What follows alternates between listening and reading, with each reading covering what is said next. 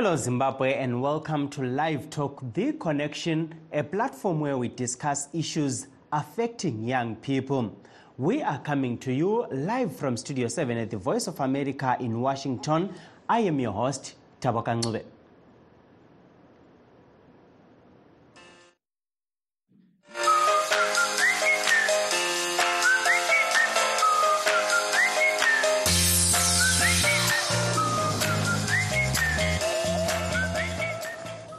Live Talk, we are discussing the state of education in Zimbabwe at a time when state university lecturers are threatening to go on strike.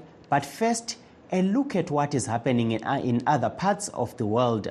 U.S. election authorities say they are confident that they will be able to fend off any security threats to the November presidential vote. In Alexandria, Virginia, VOA's Veronica Balderas Iglesias set in on a training for election officers, one of several measures to ensure a free, fair, and transparent vote. Last month, top U.S. officials told Congress the U.S. presidential election will be fair and secure thanks to tightening safeguards and increasing cooperation between federal, state, and local authorities. From cyber threats, from physical threats, from operational risks, and from foreign malign influence. One thing to note that it's the diversity and de- decentralization of our election infrastructure because it's managed by state by 8,800 separate jurisdictions around the country, that heterogeneity gives it resilience. In the city of Alexandria, Virginia, for example, ballot scanners are not connected to the internet, thus making the process more secure against hacking attempts. Additionally, we test the scanners prior to every election uh, through a very intense logic and accuracy test to ensure uh, that they are programmed properly. To ensure a transparent process, the city is training up to 500 election officers for the primaries and November election. They are learning about what the voting requirements are, as well as how to operate the ballot scanners and certify the results of the precinct. How many people have checked in? How many, you know, um, ballots have gone through the machine?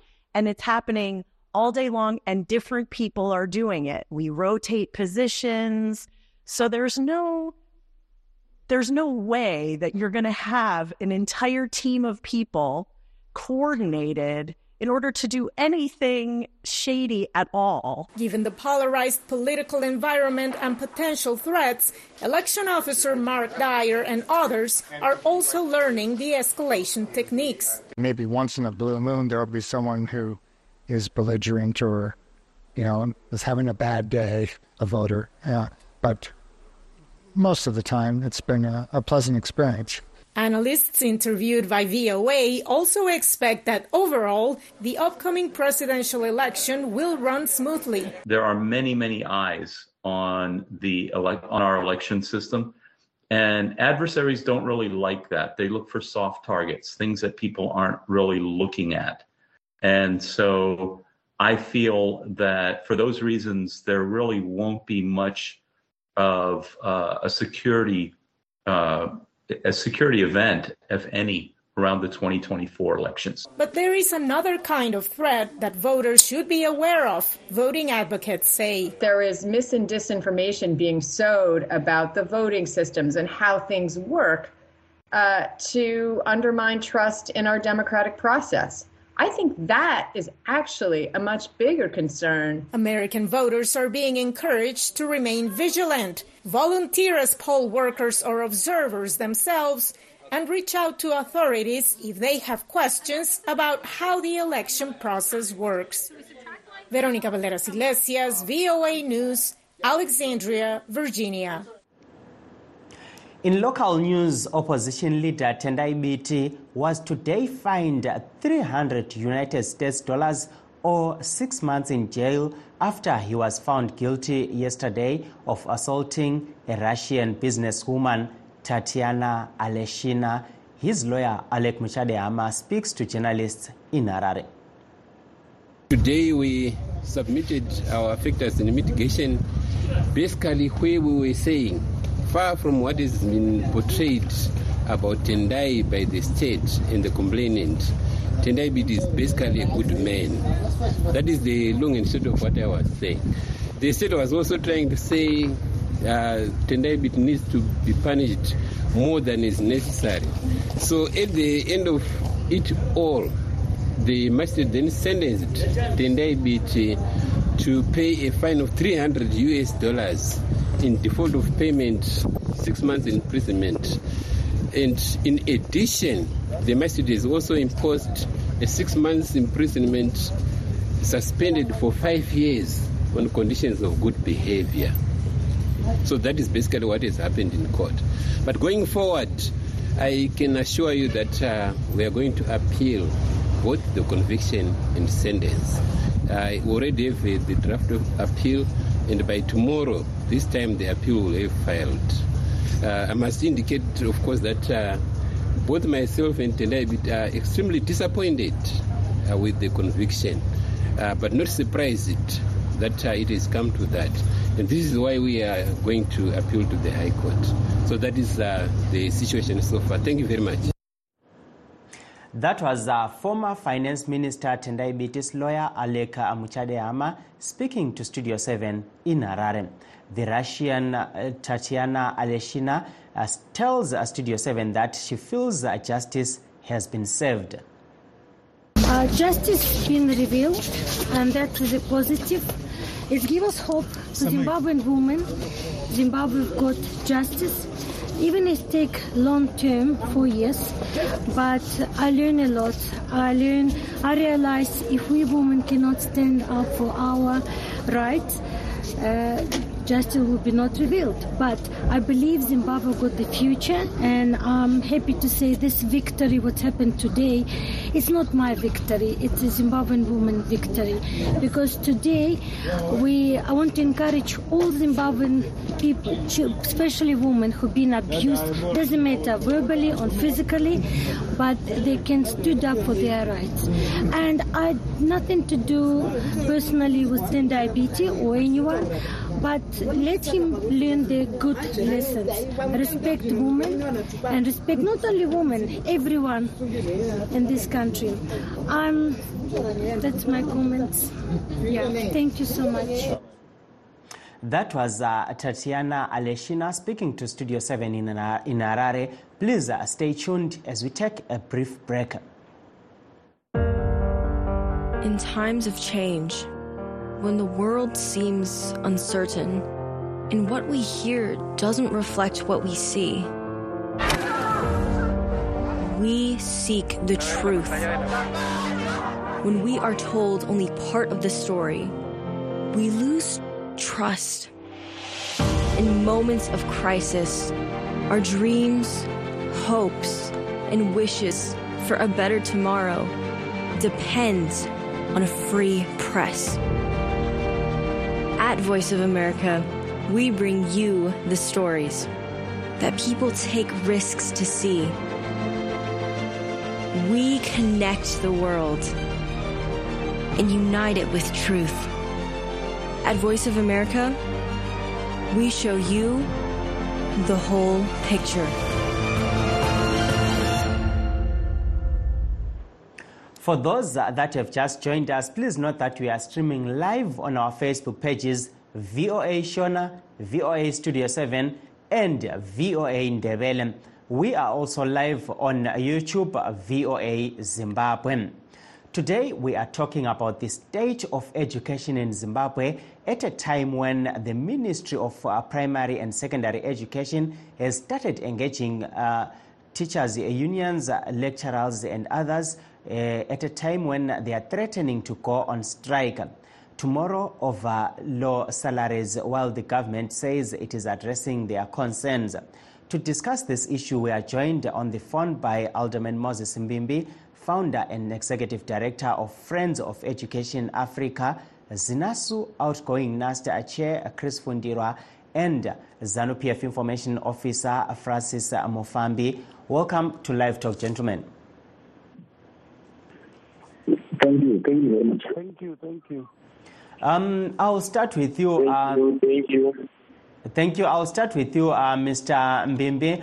Uh, looking at the education sector in Zimbabwe, what is uh, the state of uh, the sector in Zimbabwe? Where are we right now?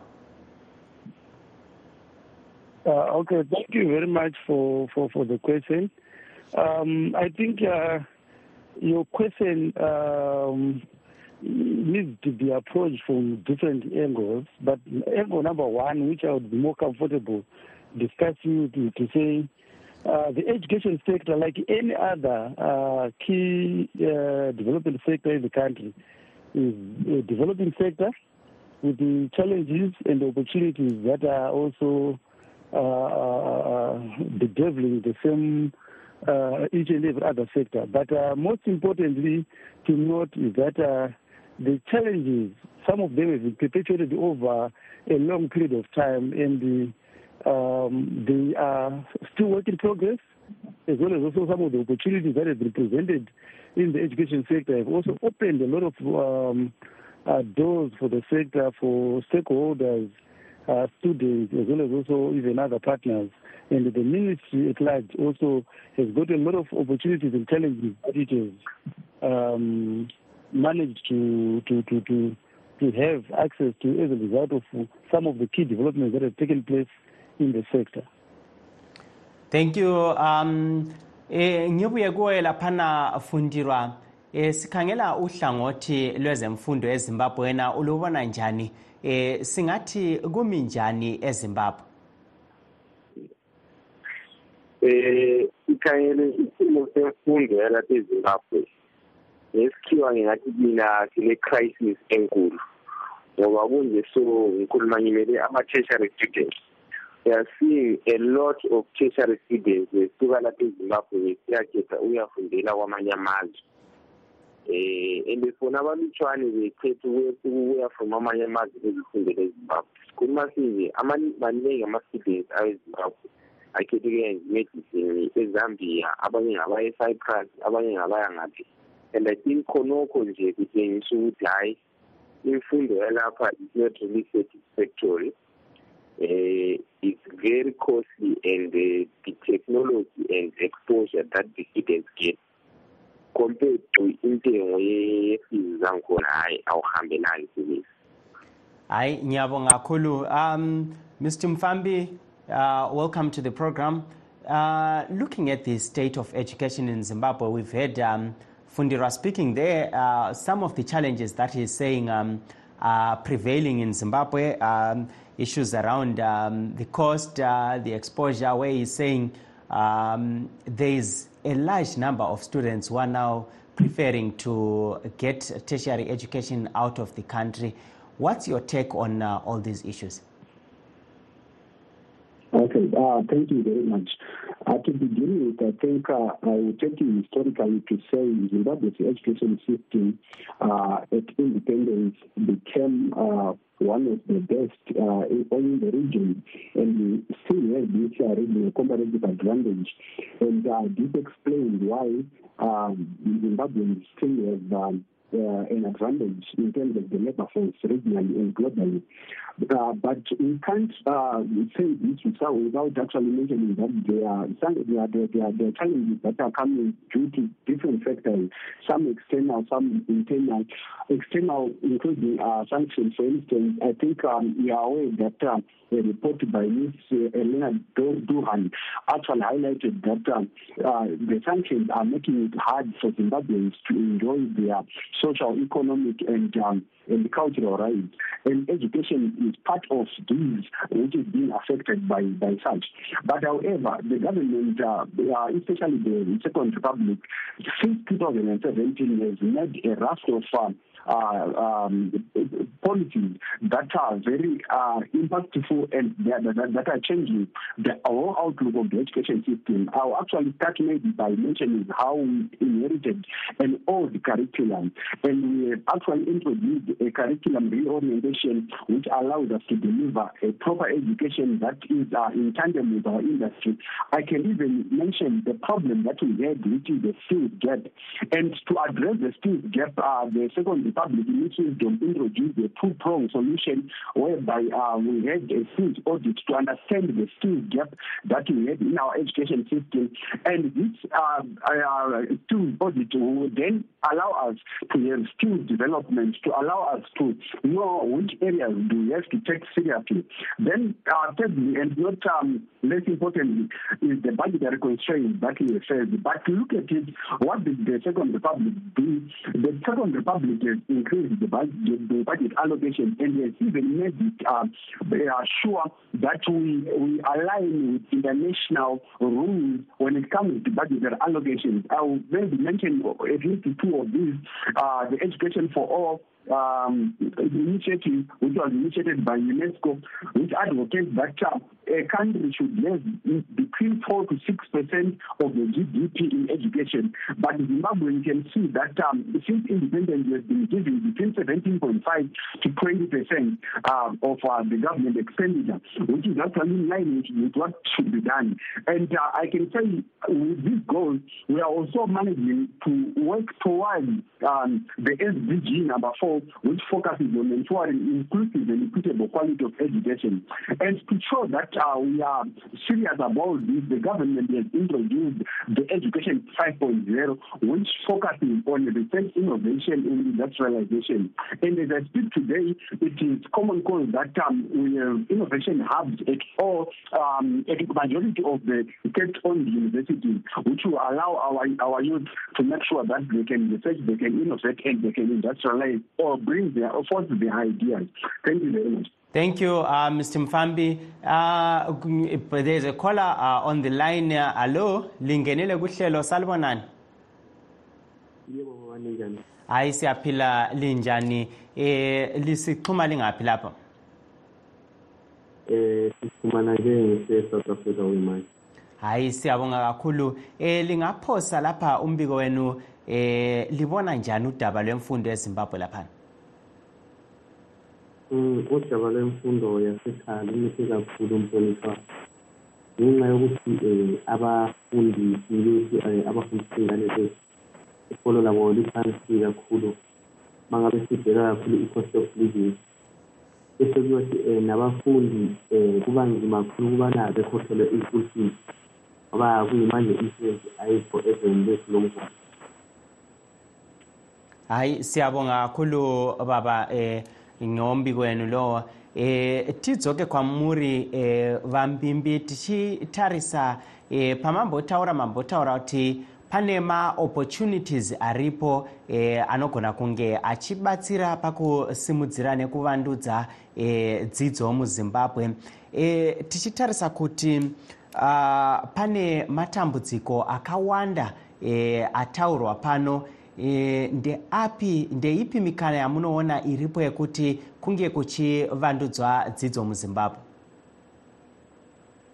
Into engayisho ndingangotanga nekuti vanhu vanotarisa machallenges. Nguva zhinji and they, they, they look at them as problems. Asi taati machallenges. Saka izvozvo zvoga zvinoratidza kuti kana tichitarisa senyika yezimbabwe tichitarisa dziri nyaya dzeeducation chekutanga tinofanira kuongorora toona kuti kana zvikoro zvedu zvainenge zvichiti waiti wana chikoro pano chiri cheprimary school wozowana chimwe chikoro chesecondary school chiri 20 kilometers away. Iyoyo ichallenge iriko kuvana. Asi hurumende yakaita basa guru zvikuru sei second republic yakatanga kumeka sure kuti at least within a five kilometer radius panofanira kunge pane chikoro. So as far as infrastructure development in line with the education sector is concerned ipapo hurumende yakatonoti we need to commend the great work that government is doing. Uh, touya also panyaya yeaccess so nyaya yeinfrastructure and access to education ipapo pane basa guru riri kubatwa nehurumende. Ndomimwe mukana yacho iripo yekuti vana pavaiperera magrade seven nyange vapasa nyange vane chido chokuendera mberi nechikoro. Kwaishayiwa kupedyo pokuenda vachinoita chi? Form one. Izvozvo zvoga zvinoratidza kuti pane basa guru riri kubatwa kunzvimbo dzakasiyana munharaunda yezimbabwe. Tochitarisa zvekare pane nyaya dzecost of education. Cost yeeducation muzimbabwe hainyanyodhuri zvakanyanya. Asi maybe tinofanira kuzotarisa visa v in terms of uh, there's an element where at some point in time or even uh, nowadays is a bit different. Uh, pane ka-element ke-rtgs factor and the usd factor in terms of uh, ma-salaries and ma-allowance that people get ma-various uh, employment uh, kwavanenge vari but whether uchiita business and as long as uchikwanisa kubata usd tichipega at usd value we can't say education is unaffordable in zimbabwe. That's not true. But what we need to look at is a country like zimbabwe uh, subjected uh, or sanctioned by other countries you notice that it is, it is bedeviled with a lot of economic challenges these are challenges affecting the country not specifically the, uh, targeting the sector only. But what then happens is the sector is at the receiving end. Because if parents are not having enough economic opportunities, they struggle to get uh, fees. And mostly they have challenges in terms of having their kids not going to school. But uh, also when you talk of um, uh, maybe uh, the, the, the, the, on the teaching staff uh, which is the side of the skill transfer part of it, where the teaching staff have also to be satisfied in terms of how much they earn and also so that they're able also to stay on their jobs. We have got a big challenge where, uh, as a developing economy, there I would say there's a lot of work that government needs to do. It's not only an issue of engaging um, uh, uh, the sector and negotiating for, for, for, for salary increase, but we need to innovate around how best can we be competitive in terms of uh, remunerating our teaching staff? Uh, this is what I, I see uh, because private schools are currently doing very well in terms of uh, remunerating their their teachers and their teaching staff, and they are actually um, uh, attracting a lot of uh, teachers from government schools to their private institutions.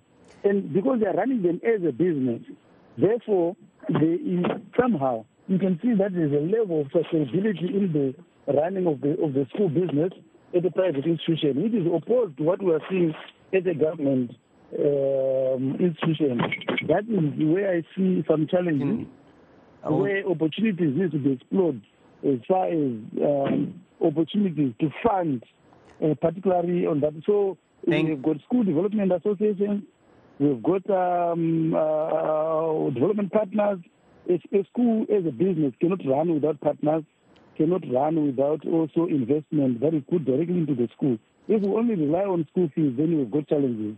So these are things that I see, but the opportunities that are naturally available on the ground Thank you. out of uh, some of the things that we can convert into value. For technical training institutions, the whole idea is to innovate, produce products that you take to the market. If you carpentry, produce products that you can take to the market and sell. And from there. Thank you, Mr. Mbimbi. Um, now, on the cost, um, when you're saying uh, it's affordable, muri kureva muchitarisa dzimwe nyika dzatakavakidzana nadzo kana kuti muri kutarisa mari dziri kutambirwa nevanhu. Nekuti e, takambotaura zvekare nevadzidzisi vachiti ivo mari dzekuchikoro dzakawandisa nekuda kwekuti mari dzavari kutambira idzo havazogone kuendesa vana vavo kuchikoro tichitarisa zvikuru kumayunivhesiti kuti vanoti e, mudzidzisi mumwe chete akaita vana vaviri kana vatatu haachagone kuti avaendese kuyunivhesiti izvi munozviona sei zvakanaka and you, you are clearly biased towards a teacher who is uh, who is also a parent. Those are two different um, uh, uh, positions. If you are a teacher and you are a parent, uh, you rely on uh, uh, your salary to take your kids to school. And we are saying in a country like Zimbabwe, where a teacher is a civil servant, like a, someone who is in the military, in the police service, in the prison, in the correctional services, in the national park or anywhere, you are part and parcel of the civil service. Those people earn an equal amount of money. So it's not something that is only relative to the teaching staff. So we may not need to discuss this point being biased to a teacher. Though myself, having been a, a, a chairman for a school development association, I've been faced with such challenges in terms of uh, teachers trying to uh, go on strike because saying because I cannot afford to take my my, my child to school, um, particularly at the school where they are teaching. The issue of affordability is you can't expect to take your, your kid to a boarding school uh, when you are merely just a servant relying on your on, on, on your salary that you get, considering the fact that the payment schedule for a civil servant does not allow for that. So affordability is relative to interest and priorities. You can't expect to watch tinotenda tinotenda vabimbi regai nguva yacho iri kuti mhanyei regai tinzwe kuti e, fundiro iye ari kuzviona sei sezvo ari umwe wevadzidzi e, vari kumayunivhesiti e, ukuvona njani lokufundirwa okukhulunywa ngubaba umbimbi? Iqiniso yikuthi sibili imfundo yalapha iyadura ngabe imfundo yalapha um infrastructure ekuzikolo lezi ngabe ihambelana lentengo ze-fees? Then it would mean ukuthi the fees are worth it expensive as they are. But isikhayela esinje sikhayela khonokho sikushoyo ukuthi abazali imali abaziholayo zivele zincane. Then i-fees yena iphinde ibe nkulu. But usufunda futhi esikolo lesiyana uthola ukuthi ama-lecturers are not earning enough. Therefore they are attending one or two lectures per week. So at the end of the day ubhadala imali eningi and nxa uqeda isikolo sangikhona uyabe ungakwazi lutho. Uyabona? And ama-companies they are now saying they want people with four years five experience four years five years experience. Why? Because they know ukuthi ama-graduates they graduate know, knowing nothing. Why do they know nothing? Because esikolo the quality of education that they are getting is not enough compared to the fees that they are paying Thank you. Um, Mr. Uh, Mfambi, I'll come back to you. Show, um, uh, briefly, um, what's your take looking at uh, the unemployment uh, rates in Zimbabwe? Does that reflect uh, on our education system or it's a different issue altogether? Okay, I needed to um, comment on the issue of um, um, the remuneration and um, those things that you have raised. I think uh, the government and uh, the Zambia government, to, to mention, has been very clear and has been listening to its employees and has always tried to implement pecuniary and non-pecuniary reward to its employees. We can't then say um, employees should be satisfied with what is being offered by the government, but we are always in um, continuous discussions with them to see how we can better the the the the the, the, the, the terms of condition and conditions of service. However, this is looking at the teacher or the, the the service provider.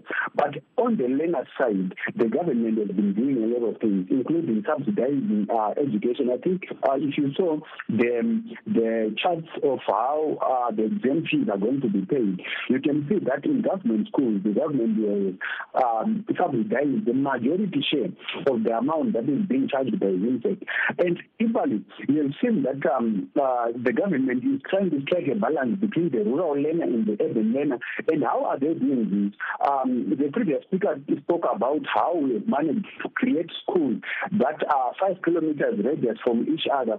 And actually, from uh, from 2017, there are more than 2,000 schools that have been built by the Zambian government owing to the um, devolution funds. And, not, and, and, on top of that, they've made sure that uh, information centers that brings technology or computers. Thank you. I think you, you Thank you, Mr. Mufambi. Unfortunately, uh, our time has uh, run out, but let me take this opportunity to thank you all for coming on the program. and that brings us to the end of our show. Signing off in Washington, I am Taboka Ngube.